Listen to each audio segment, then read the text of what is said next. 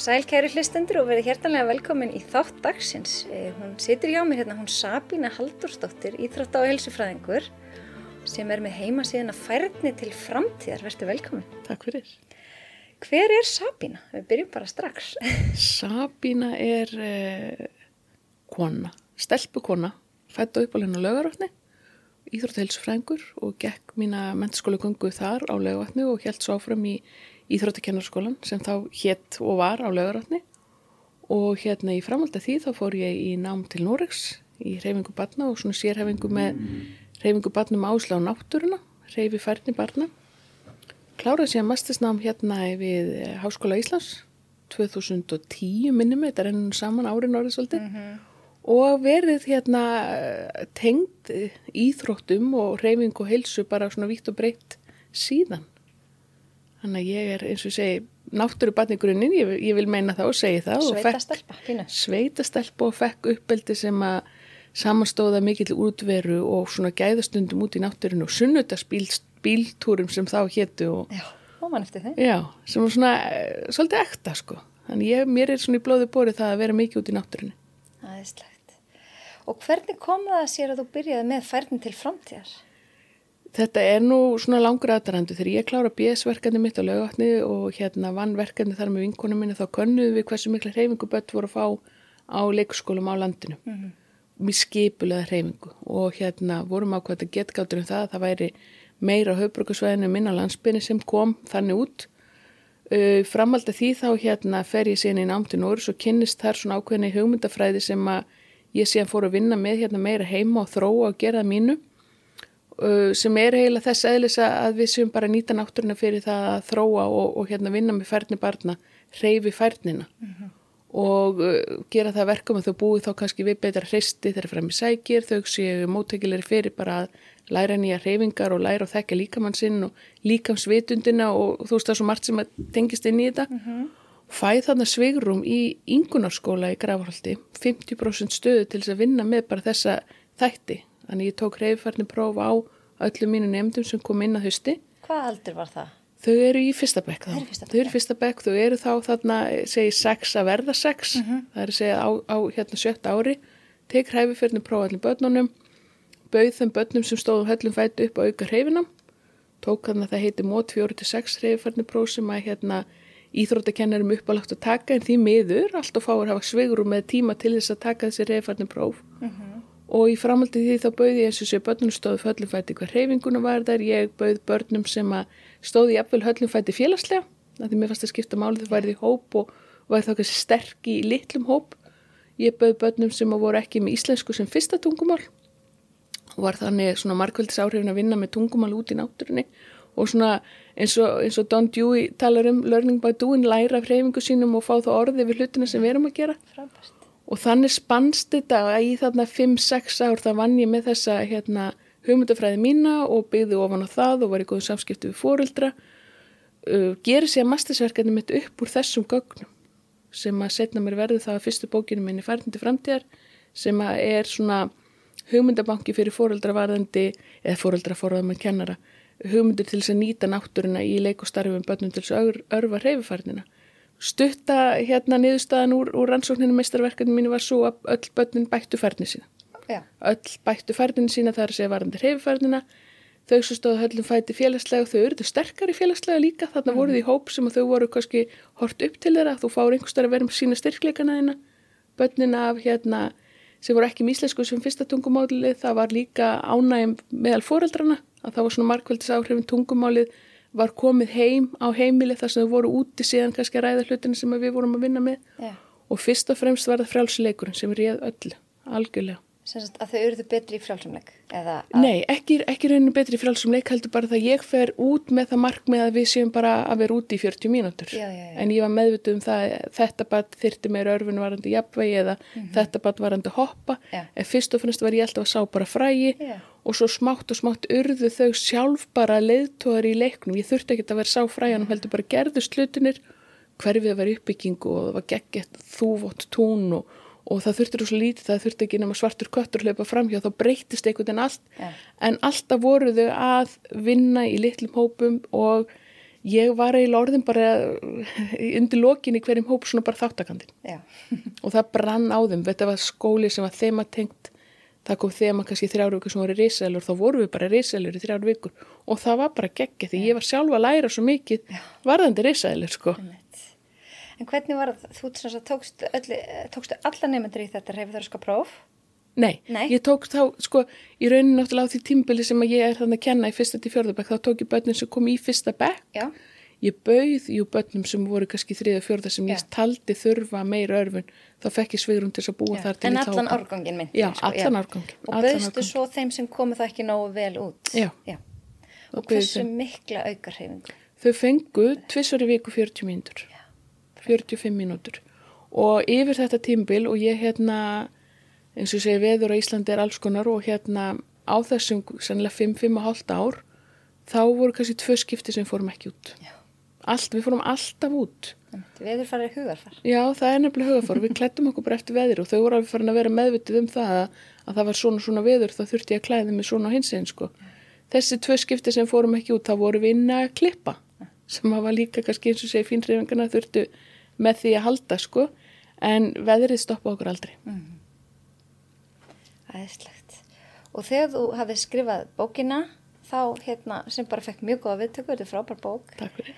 þá hérna stopnaður, þú fórst að halda fyrirlestra og svona þegar Já, svo vatt þetta bara einhvern veginn upp á sig sko. Ég hérna byrja á því líka ég er að halda, halda hérna mikið fyrirlesturum og námskeiðum, ég er að koma inn í alls konar hópa og hérna embati landlæðins fekk mig til þess að, að vinna upp úr hérna bókinu minni námsefni eða sérst í kistu fyrir þau eh, sem var nótu fyrir heilsaflandi leikskóla.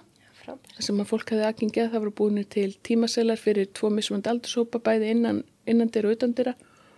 Og svo eins og ég segi, svo bara einhvern veginn vindur þetta upp á sig. 2000 og minnum mig 16-17 kemur út bók sem heitir leikgleði 50 leikir sem að mentamálstofnun fekk mig til að skrifa þá hafði ekki verið gefin út sko leikibók síðan 1990 fyrir grunnskólaaldurinn. Og það var saman på teiningun þar. Ég var að sem sagt, eh, búa til leiki, búa til efni sem miðast að því að vera út í náttúrinni sem miðast að því að, að minga raðir að það sé ekki þessi byggtími í leikjum.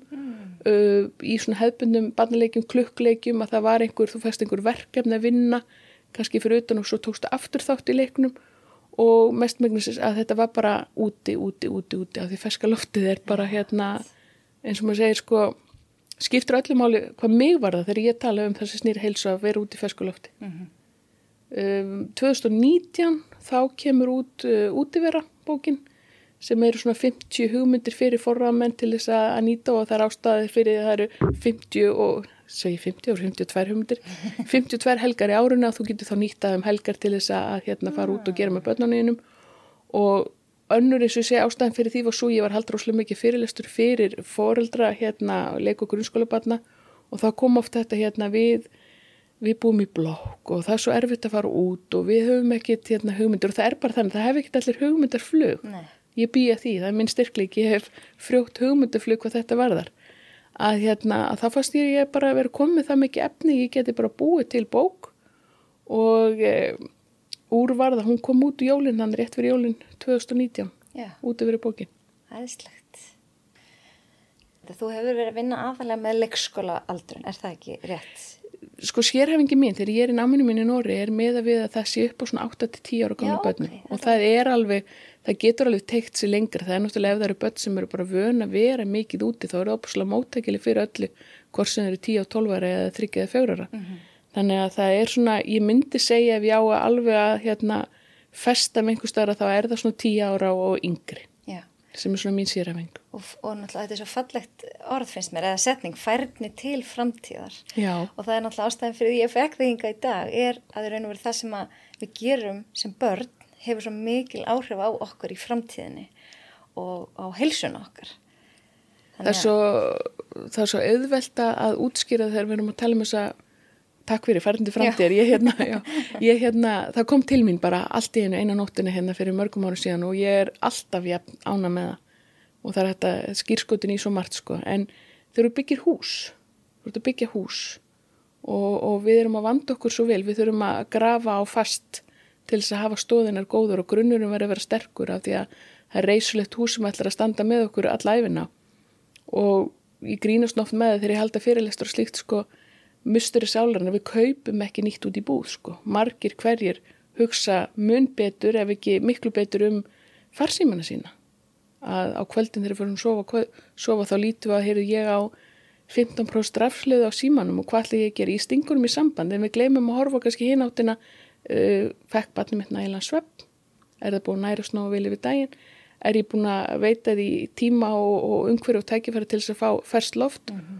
og það vinnur með okkur af því að þegar við erum að vinna þessa ferni á þessum yngstu árum að það hefur þær afleðingar að, að börn sem eru virka á yngri árum þau eru líklegir til þess að vera virka á eldri árum Akkurat. og þau fræsi við erum að sá á þessum tíma þá erum við að sá í frjóan jarðveg sem að síðan verður að sterkum og stórum húsum eða trjám eða hvað myndlíkingu viljum hafa yfir það mm -hmm og ég bara trúi því fast þó svo að ég, hérna, ég ekki talið upp fyrir sko öruglega þúsundir rannsókna og, og hérna þess að styðja málmitt. Ég hef bara séð þetta líka svart og hvít. Þannig er það sem er oft bara, ég get sagt sko fullt fullt af sögum og, og hérna teki, teki dæmi og slíkt. En það er bara einhvern veginn að ef við vöndum grunninn mm -hmm. og það, það, það sá lífstíl sem við ætlum að búa börnum og við erum forraðamenn barnana og við ráðum eins og staðan er á þessum fyrstu árum þá, þá ráðum við hvað áriði börnun okkur verða fyrir og við mótum það svolítið. Við ráðum kannski ekki ennilega hvað áriði verða fyrir í leikskólanum eða heimili vinnana eða í skólakerfinu eða slíkt en við ráðum heima hjá okkur, við ráðum þeim lífstil sem við veljum og ég til dæmis bara sjálf hefur valið það að, að hafa mikla úti verið í mínu uppbildi. Mm. Fekk það sjálf yeah. sem að kannski leiðir það á af sér að, að ég er sjálf að gera það, það er eitthvað sem er í mínu svona um, DNA, það er mín blóði bórið að vera mikið úti, þannig að það helst í hendur. Já. Ég sá einhvern tíman sko rannsókn, eða rannsókn svona línuritt á, hérna úr rannsókn sem hefur verið gerð og var síndi svart og hvítu, þetta var mjög áhugavert hvernig og hvenar við hættum bara að hreyfa okkur. Og það var raun og verið þegar innbyltingin kom og öll tæki fór að gera vinnuna fyrir okkur. Mm. og við fullarna fólki erum þetta fyrirmyndir barnan okkar. Þannig ef við erum ekki að streyta og við erum ekki líkanlega vinnu þá er, þá, þá er hvað segir maður, minni líkur að þau gerir það. Þau sko hérna, þau eru svo klók mm. þau horfa á okkur. Þau hlusta á okkur líka, þau horfa meira á okkur. Hvað eru við að gera? Og þau herma eftir okkur. Og það er einhvern veginn alveg saman hvað við gerum. Því teknivættari sem við verðum, því teknivættari sem þjóðum verður, því teknivættari sem heimurinn verður því meiri þörf höfum við fyrir náttúruna, reyfinguna náttúruvítaminið og allt það sem að, hérna, er úti í umhverjum okkar. Því meiri þörf höfum við fyrir það og ég þóra að veða hvert einasta mannspatt sem er mikið að vinna inn í tekni vinnu sem að fer síðan lengst út í skó og slíkt. Það upplifir eitthvað, eitthvað hérna, á eigin skinni sem að hugsa bara já, ég þarf að gera meira af þessu. En spurningin er hvort að fólk gefur sér tíma til þess, ja. það er annað. Veistu, er, er einhverja rannsóknir sem sína breytingu á reyfufærni barna á, sem spannar einhver ár, veist, er Sko normin hafi verið ábúslega duglegar að gera rannsóknir á e, börnum miða við það hvort þau fá mikla e, útikenslu eða reyfingu í leikskólanum versus þau sem er ekki fáða. Mm -hmm. Þeir hafa verið mjög öttilir við rannsóknar á þessu aldustí sem við íslendingar höfum ekki verið að gera því miður en það er mjög öðvöld að heimfærið yfir á Ísland. Þetta er svona svipaðir hérna þjóðir þar að segja varðandi veðráttu og, og kuldan og, og menningu og annað slíkt sko og það hefur áhrif það hefur bara gríðal áhrif og það sem þú ert að gera þessum yngsta árum það bara fylgir þér yeah. en, en hvort þú viðhaldir það er máli líka svíjar gerðu sínu tíma stóra rannsókn eða þú veist það er líka búið að fullt rannsóknum rannsókn sem ég las sem að var þannig að það var verið að skoða sko hvort það væri leikskóli sem var með mikla útikenslu versus sem var ekki með það uh mhm. -huh. og það síndi sér til dæmis bara það ónumiskerfi barnana sem að voru á þessum útikenslu leikskóla þau voru með sterkar ónumiskerfi foreldranir, börnin, starfsfólkið og bara heilu fjölskyldunar þannig að það er einhvern veginn allt sem að vinna með því að vera úti í náttúrunni uh mhm. -huh. og svo í svarnum spurningunni já, reyfifærnin er betri og hún er, e, þau eru búið við betra hristi, þau börn sem eru reglulega að læra og leika út í náttúrunni En heldur þá að, sko, að þið er nú kannski svolítið svona fyllin í herbygginu í bara allstar sem að kemur snjáltækin. Snjáltækin. Hvaða áhrif eru þau að hafa á reyfingu og aðgengjarreyfingu kannski og, og reyfi færni á endanum? Ég er alltaf að hérna, ég er að passa með stíga varlega til gerðar sko. Málið er, ég, ég segi alltaf að, að sá tími sem er börn verja í tæki eigða í tæki á aldrei að vera meiri eins og þau verja úti í leika eða frálsónleika eða úti í náttúrin, hann aldrei að vera meiri. Tækin er ekkert að fara, við þurfum bara að læra umgang og stöð hvernig við ætlum að nota þau og ég verða oft áskinni og þarf svona bæða að býti tunguna á mér og hérna eða bara fylgjast með hegðun okkar, forraðamanna og batnaðana og ég segi alltaf við því að ég er ekkert, ég er ekkert heilu, það er alveg stríð hjá mig líka, en ég vel.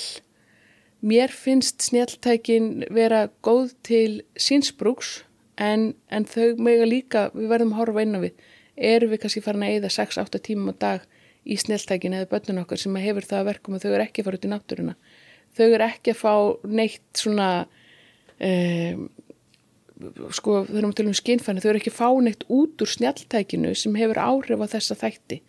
Jú, sjónþróskan, mögulega en það bætir ekki upp það sem sjónþróskin verður fyrir áhrifum út í náttúrinni aldrei, nei. það hefur ekki þau áhrif. Og þegar maður hefur orðið vitna því að sjá fólk eða börn sem eru ég var á tenni rífum páskana og, og, og var bara mörguleiti svona pínu svona hugsi yfir því að horfa fólk allra þjóða, ég er ekki að tala bara um íslendinga, það var bara allra þjóðir fjölskyldur setjast niður við hérna mataborðið og eru byrjað að fá matselni endunar og það er áður en að áður en fólk er byrjað að panta, panta mata þá er búið að setja upp standin og spjaltölfuna fyrir börnin en það er ekki einu svona byrjað að reyna að spjalla saman Mm -hmm. að þetta er einhvern veginn orðið sko og nú veit ég ekki hvað er íslenska orðið kannski yfir en normalisera það að það sé eðlilegt að horfa á spjaltölfu þau eru út út að borða Já. til þess að forraða menn fái pásu eða frí eða hvað maður segir getur notað þess að borða.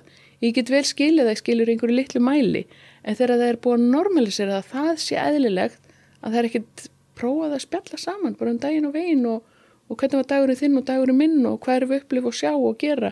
Og þá erum við líka komin í hi- hinn staðina að örfa tungumálið. Akkurat. þannig að ég hérna ég á óbúslega oft erfitt með þessu umræði af því að hérna líka það stíga varleita jarðar og það eru mismunandi aðstæður fólks, við getum aldrei sett okkur í spór annara en við verðum að vera miklu, miklu meðvitaður um neikvað áhrifin og ég er að verða vitna því ég hérna les náttúrulega alls konar hérna greinar og, og hérna spjallþræði hérna inn á samfélagsmiðlum og slíkt og það var að leita að einhverjum hérna úrröðum fyrir börn eða það er að segja aðfyrir og slíkt og svo er hitt og þetta hættulegt og það er ekki nógu gott að vera þarna því þau getur dottu og gert hitt sko en, en það tala samt enginn um neikvað áhrifin af snjalltækjanum. Það er eins og það gleymist. Við vitum þetta öll. Þetta er held ég ákveðin fíkn, sko þessi tæki, maður sækir einhvern í þetta og þetta er orðið svolítið ósjálfrátt.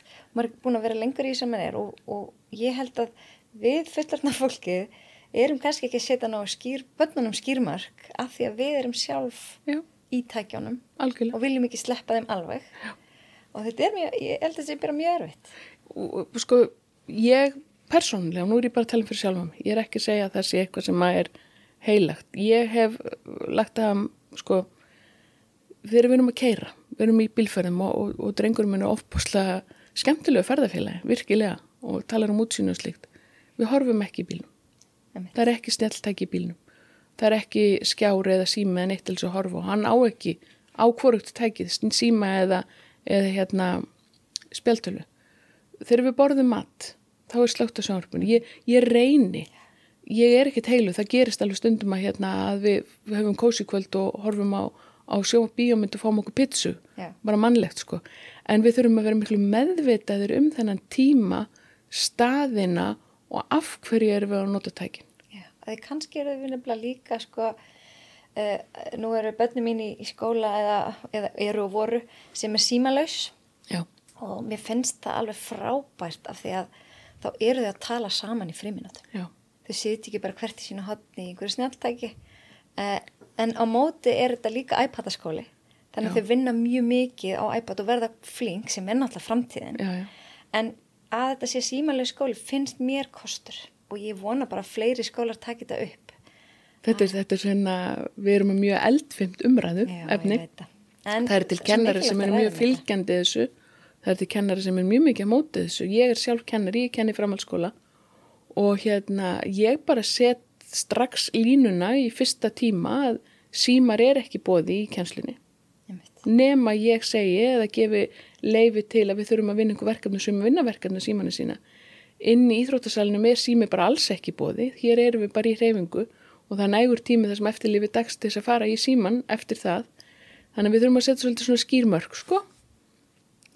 Við losnum ekkit við þá held ég. Nei, nei, en það er bara spurningin um það og, og sérstaklega þess allra yngstu að því við erum að tala um grunn að sá tími sem þau eyða í skjáin og ég segi eyða af því mér finnst að við erum að eyða tíma hann á ekki að vera meiri en sá tími sem við erum að verja í frjálsanleikin eða leikin eða samverustundir, gæðastundir Mjög góða punktur. Mjög góða punktur. Já. En að því við erum að þú, þú vinnur svolítið mikið með sko, þessar hreyfifærni og, og hérna, skínfærin. Já. Og ég hjó eftir þeim daginn að viðtala við þig. Þú varst að tala um að það væri ekki bara þessi hefbundum fimm skínfæri sem að flestu þekki heldur átta.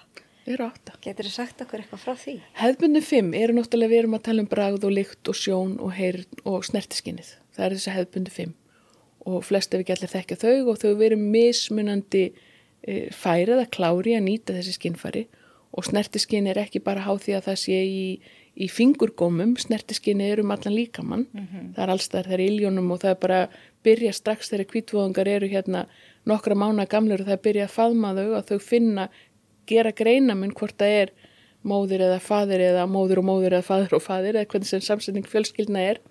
Þau gera greinamun á þessu. Svo eru þessi þrjú skinnfæri sem eru vöðv- og liðamótaskinni sem er háð bara þá hvernig vöðvanir okkar og liðamótin er að skinja umhverju sitt. Og kannski einfaldasta útskýringin fyrir fólk svona til þess að, að fjalla um þetta skinnfæri er að það er tvent ólíkt að ganga upp, brekku og niður. Það er bara tveir, tveir mismöndu hluti sem gerast og til þess að fara ekki til flókna líffræði eða, eða lífælisfræði að það er bara mekanismin í líkamannum það er bara mjög ólíkt sem gerist hjá okkur. Og þannig er, er skinnfærið okkar smátt og smátt að afla sér upplýsinga fyrir miðtöðkerfið, fyrir heilan til þess að grípa í síðan minningun um þetta, þessa reyfingu setna mér.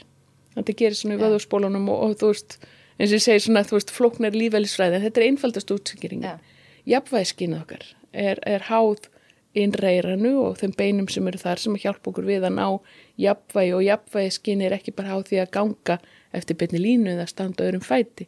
Heldur leið og bönnur í pínu lítilega þau eru að halda jafnvægi bara það að þessi minnstu beinin í tánum og ristunum og öklunum sem eru að hjálpa okkur að hafa jafnvægi hefur það áhrif og þú ert að, að hérna, setja svolítið styrkinni í kálfana og rassin og bakið og hálsin. Það helst, helst einhvern veginn allt í hendur og rúmskinnið. Rúmskinnið er það átt okkur á e, stöðu okkar í umhverfinu og sko bara lengdir og breyttir og, og eru börnur í pínu lítileg þau eru að hlaupa og þau ná ekki alveg þessu stemmi eða brensa sig af og hafa ekki rúmskinni hvað er langt í veggin og klessa á hann. Þannig að þessi þrjú skinnfæri eru þessi sem að þjálfast svolítið mikið í gegnum reyfingu, reyfingu út í náttúrunni og öll áttaskinnfærin þau vinna saman. Eitt skinnfæri hefur alltaf jákvæð áhrif á annað. Einhverjir geta talað um hérna hvort að skinnfæri geta orðið fyrir neikvæð áriti, já, þau verða fyrir neikvæð áriti en það er í 99% tilvíkum ekki út í náttúrunni. Neikvæð áriti er til dæmis að þú fer með kvítvöðungu eða lítið batn eða uh, hérna yngri aldursópin og þú fer með inn í kringluna. Það er gríðalegt áriti.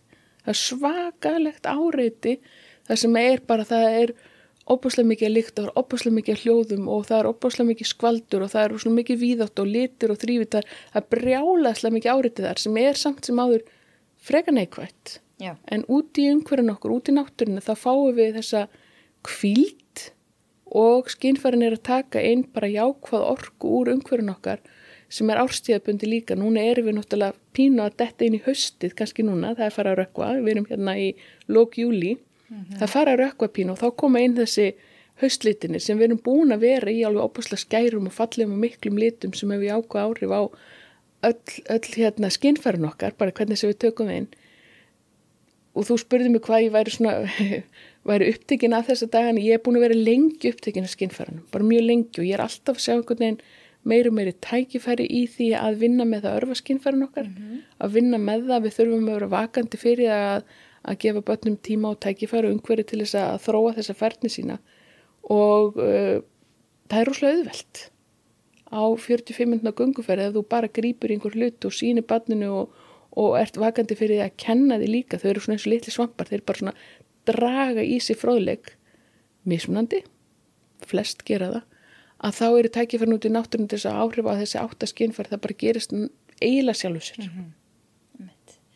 Sko nú er ég að kenna ungbarnasund og, og þeim kom ná til mín á sínu tíma. Dásamlega stundir, dásamlega. Og þar að þú veist að tala um að fara í kringluna og þetta mikla áreiti.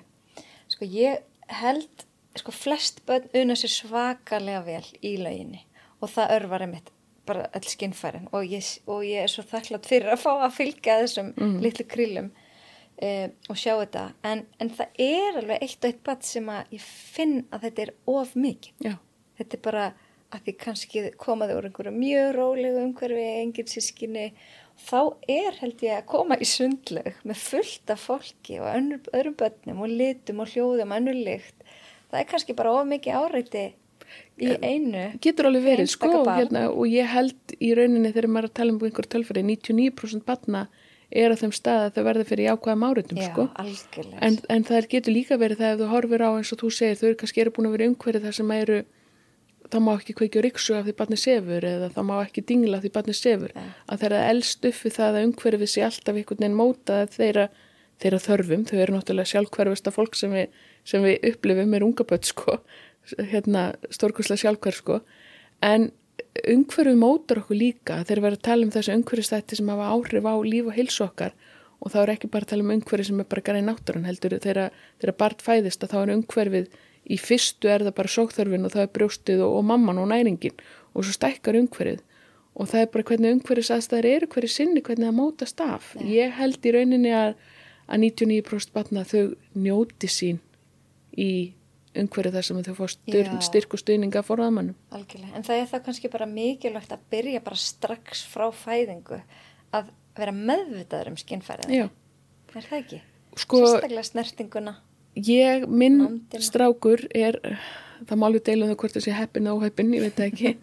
hann er fjögra vikna þegar hann er komin út í fyrstu gungufærðina í byrjun februar 2019 Þannig að, að þá, þá er strax fara að koma áriði fyrir veðu liðmóti skinnið að liggja í barnavagni og hossast með mér því ég leti ekkert stoppa mig, ég fór upp um alveg hérna holdt á hæðir og upp í fjall og hvað eina með hann í snjónum.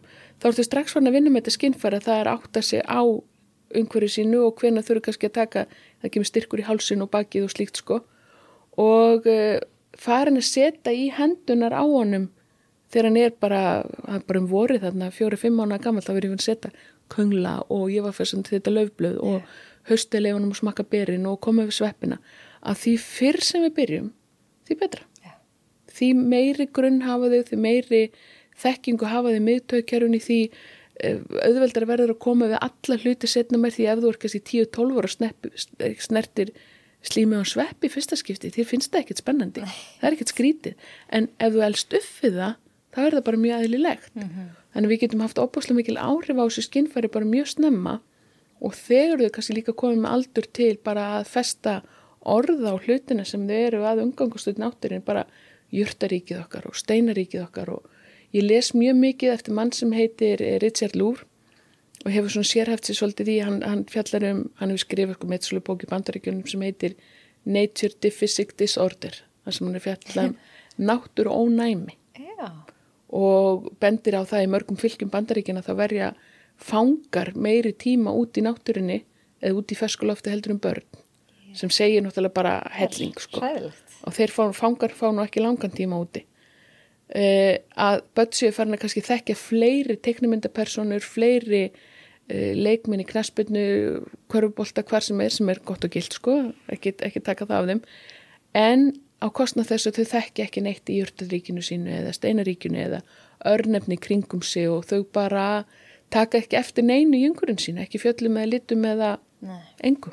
Og við náttúrulega erum bara ótrúlega heppin að búa á Íslandi þar sem við höfum aðgengi að náttúrunni nánast hvar sem er. Við höfum bara... sko endalust tækifæri. Og, og náttúran er þess eðlis að það er allir velkominir í hana. Alltaf, við erum alltaf velkomin. Og svo er bara undir okkur komið sko hvernig við ætlum bæða að nýta og ganga um hana. Einmitt, og við erum að þeim staði líka núna í lífuna við erum að tala um heimsmarkmið saminu þjóðana og, og við erum að tala um sjálfbærni og við erum að tala um það að vernda landið okkar og, og þá kosti sem að hún gefur af sér til þess að læra að þekka yngur í sitt og þykja vænt um það þá þarf þetta að verja tíma í því líka Einmitt. það er stórlítið af því ég ólst upp í Svíþjóð sem barn og ég finna þegar ég kem inn í skó þá er það lyktin Mhm. sem vekur einhverjar ótrúlega góðar tilfinningar. Já. Þannig bara því ég gengin í skó, ég er bara fyrir að skokka í hefðmörk eða reskilið hvað sem er, það er eitthvað sem gerist og þetta er svo, þetta er svo mikilvægt, þess vegna er svo mikilvægt að upplega sem barn Já. af því þetta ekki triggerar, ég veit ekki hvernig maður á þetta, er svona Þetta fylgir manni, bara það fylgist með manni, sko. góðar tilfinningar, já. Og það er það sem að miðtöðakerfi gerir líka fyrir okkur og það er hvort sem við erum að tala um miðtöðakerfi, nefnilega bara að hluta tögakerfin okkar, að við getum kallað fram, ég get alveg beðið því að, að, að kalla fram núna einhverja tilfinningu eða eitthvað sem minnir þig á ömmuðina og þú getur kallað fram einhverja lykt, þú getur kallað fram einhverja áferð, þú getur kallað fram einhverja, einhverja minningu sem þú bara sér ljóslefandi fyrir þér. Ég get, ég á svona til bara óbúslega mikið síðan ég var barn. Og þetta er tögakerfið okkar. Og það er bara spurning hvernig ætlum við að, að hlaða inn upplýsingum á í þann banka? Ætlum við að hlaða inn jákvæðum upplifunum og, og tilfinningum sem að hérna herja okkur við verðum öll fyrir alls konar áföllum. Það verður ekkert af því tekið. En það er líka þetta að læra þá þessa færni að, að sækja mitt í skógin sem þú færði einhverju jákvæðuplun, einhverju jákvæða Innri ró, jartengingu, svona, já. já, innri ró. Eitthvað sem að gera það verkum að þú nærða að róa kerfið. Ég hef líka oft tekið hérna mér verður svona tamtir ég að hérna, halda fyrirlestur á námskeið að ég tek svona stundum kaltænina, svona nálgast að þannig að hérna ég er, er þeirra skoðinu til dæmis að núvitund hefur alltaf verið til. Hún er rosa heit kartefla núna, það er allir að tala um núvitund og, og núvitund og sem er frábært. En ég held að við höfum bara tapað þessari færni. Við, við sem þjóð byggum aðinni lengi. Og bara að hlusta á mömmu þegar hún er að segja mig sögur því að amma fór með þau sískinin út að á. Þar sem hún var mögulega eins og segjum bara ná innri ró sjálf. Stórt heimili, fór út á með nesti, var þar heila, heilan dag eða halvan dag eða hvernig sem það var. Þetta var hennar leið til þess að ná ákveðni núvitund. Og í hraða samfélagsins í dag að við sem farin að vera upptekin eða því ég verða, ég þetta nú í áramátskaupi í fyrra sko, að við verðum að búa til hérna hálfdíma í dag til þess að fara í núvitund. Þú veist, við, að, að við þurfum að, að markvista ákveða ekki þarf að búa til hérna tíma til þess að ná þessari hugaró til þess að hérna minga streituna og það er ekkit sko eins og staðin er í dag náttúrulega stress er, stærri áhættuvaldur heldur en reykingar eða, eða, eða hérna kyrstöðu lífstil sem er ræðilegt að stressið er farið að stjórna okkur Það er alveg rétt. Streita er svona rauði þráðurinn í hilsuleysi, upplifi ég í Já. mínu, minni vinnu. Að þeir sem er að glíma við hilsuleysi, það er yfirleitt að völdum streiti. Það er svona róta andans. og það er hérna góð kunningakonu mín sem að gera rannsón henda því að þeir eru að tala um að hérna að vinnan göfgar mannin veist hegðun normanna, margra hverja, það hefur nú breyst líka þar en hegðun normanna var alltaf svo að vinnudagurum var styttri. Af því það var svegrum fyrir geðustundrum í fjölskyldinu og, og eru kannski meira svona í því að hérna upplifa það að vera út í náttúrun saman sem að okkur hættir svolítið til að það er mamma reyfi sig og pappi reyfi sig og, og börnin eru kannski ekkert endilega með í því af því að forraðmennin er uppteknar að þeir sjálfur að ná einhverjum svo svo stóru markmiðum sko og þau eru bara einu svona lítil Einmitt. Ég held að geti langflesti tengt við þetta.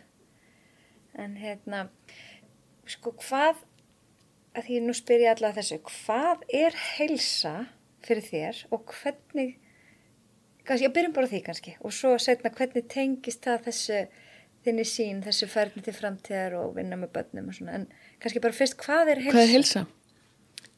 Því eldri sem ég verð, Erla, við vorum nú saman í Íþróttaskólanum, því eldri, eldri sem ég verð, þá finnst mér þetta að vera miklu meiri, fleiri, fleiri svona samverkandi þættir.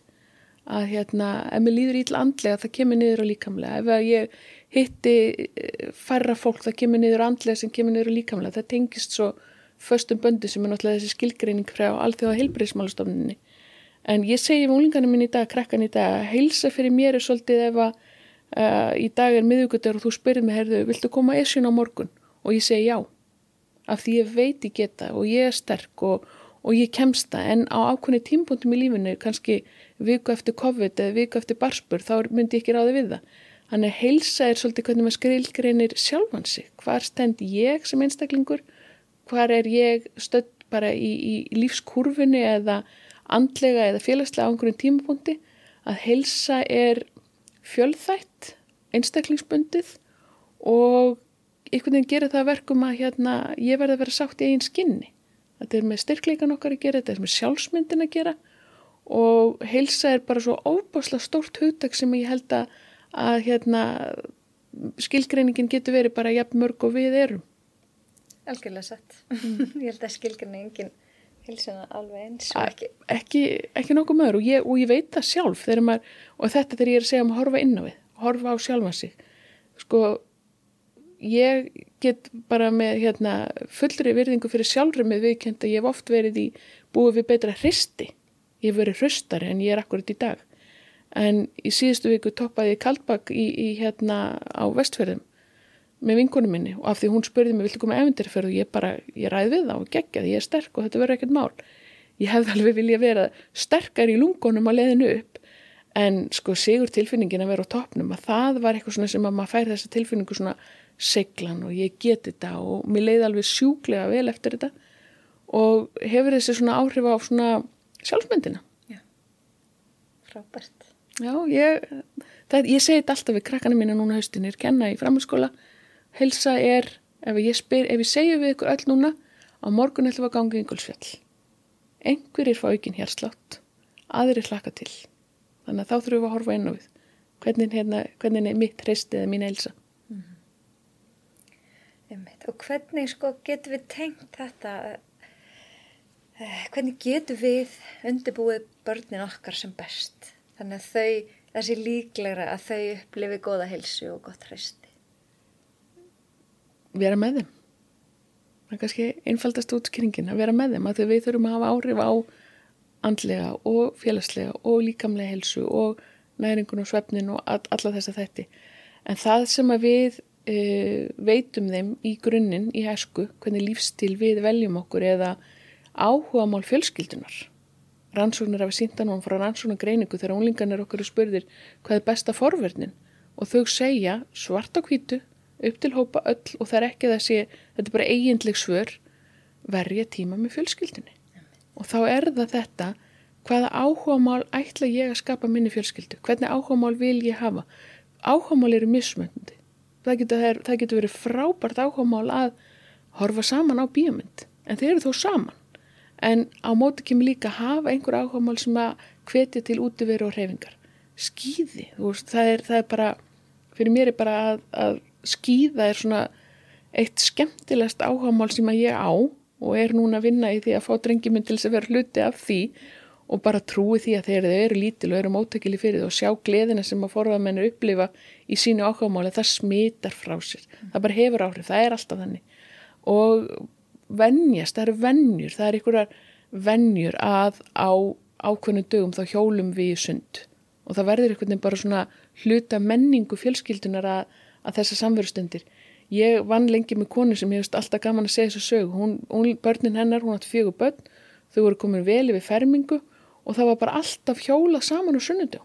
Alveg saman hvað voru gömul. Ég, ég held að þau gerði bara enn þann dag í dag. Það var hjólað saman á sunnundum og svo var bröns með fjölskyldinu og barnaböndum varum fann að týnast með. Okay. Þannig að það er þetta sem að telur hvað menning er hjá okkur og hvernig við haldum því til þess að gera það verkum að það leiði af sér næstu kynnslóðir. Mm -hmm. Þannig að við þurfum alltaf að byrja að hugsa um okkur, okkar helsu til þess að vera goða fyrirmyndir. Já. Og það hefur áhrif. Og mínar skóarferðir helsta daglega og hann er fjórar, hann er fann að byggja um gunguferð. Og það, og það er einhvern veginn, það er ekki sko þetta eru litlu sigranir sko, það er fátt sem kæti mig meira en er að byggja um að koma í gunguferð og þá segja ok, eitthvað er ég að gera rétt það er eitthvað sem að þarna gerist Mjög margt Ég, ég tók líka eftir í þessu, ég held að við verið í þessu viðtali, maður svo ótrúlega flott og sagðir að börn þurfu ekki flugveldasýningu allar dag, var það ekki, var það ekki frá þér? Jú. Að við ætlum alltaf, við höldum að þau þurfu svo mikið alltaf, við þurfum að mata þau stanslist og það þurfu svo stórir viðburðir en ég, það er bara ekki satt. Nei, það er svo langt í frá. Og, og það að ætla að vera með einhverju sko flugöldasýningu alla daga, það bara er enginn sem að hvorki hefur efna á því eða orku eða slíkt að litlu hlutin er ofta ekki þessi skiptir langmestu máli þess að við náum einhverju hugara og erum saman.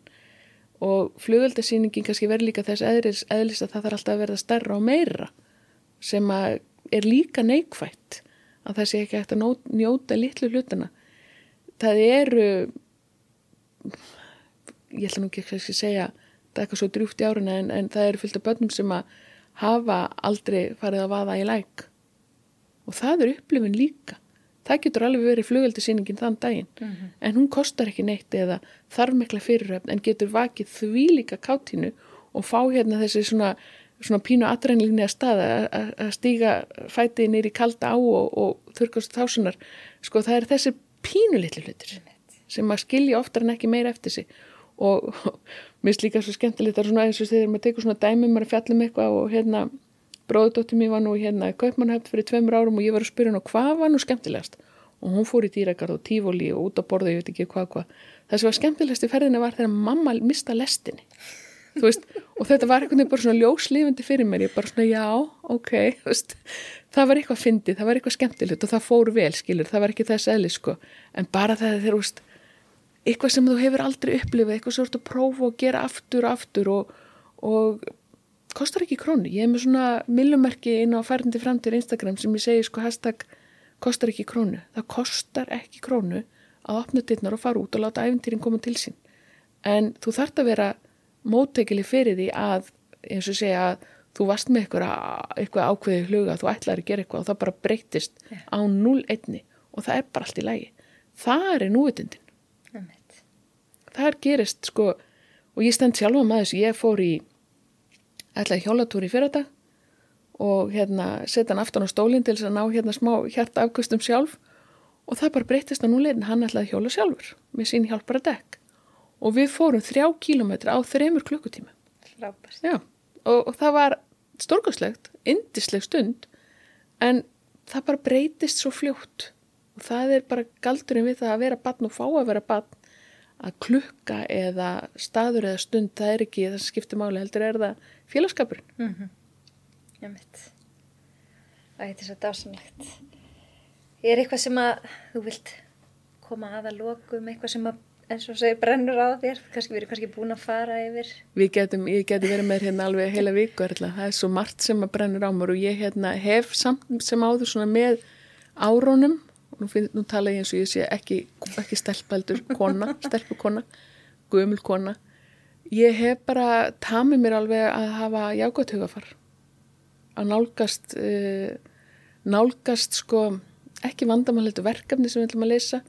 Ég sé alls konar umræði bara samfélagsmeðlum og verð vittnaði umræði við fólk og, og reyni að hérna, snúa þá hlutunum frekar yfir eitthvað jákvæmt til þess að taka ykkur útræð því að hefur svona eins og segjum betri áhrif á okkur Ég hitti fullt af fólki sem ég held fyrirlestra og námskeið og fæ alls konar bæði rós og klapp á bakið og aðfinnslur og, og fólk finnist margt sem að hérna ég er fram að færa sem er kannski ekki í þeirra anda. Og það er bara gott og gilt sko það er því að við verðum bara að vera trú okkar einn samfanningu á það og ég er bara því aldrei sem ég verð því bara meiri trúhefi á náttúruna. Ég hef alveg óbílandi trú á náttúrunni og er svo langsum í dag að fá að kenna umhverfisfræði í framhalskóla þannig ég næ tengja orðið alltaf meira og meira og sapna í hérna brunnin upplýsingum fyrir mig til þess að miðla þá til fólks og, og kannski tengja það ennþá frekar þessa ríku þörf fyrir manneskuna, fyrir náttúruna. Mm. af því hún er bæði heilandi, hún er heillandi og hérna þú ert alltaf velkomin. Ja, Það var samlegt Er þetta ekki bara falla í loka orð? Aldrei Takk hella fyrir að koma. Takk svo með leðist, takk fyrir mig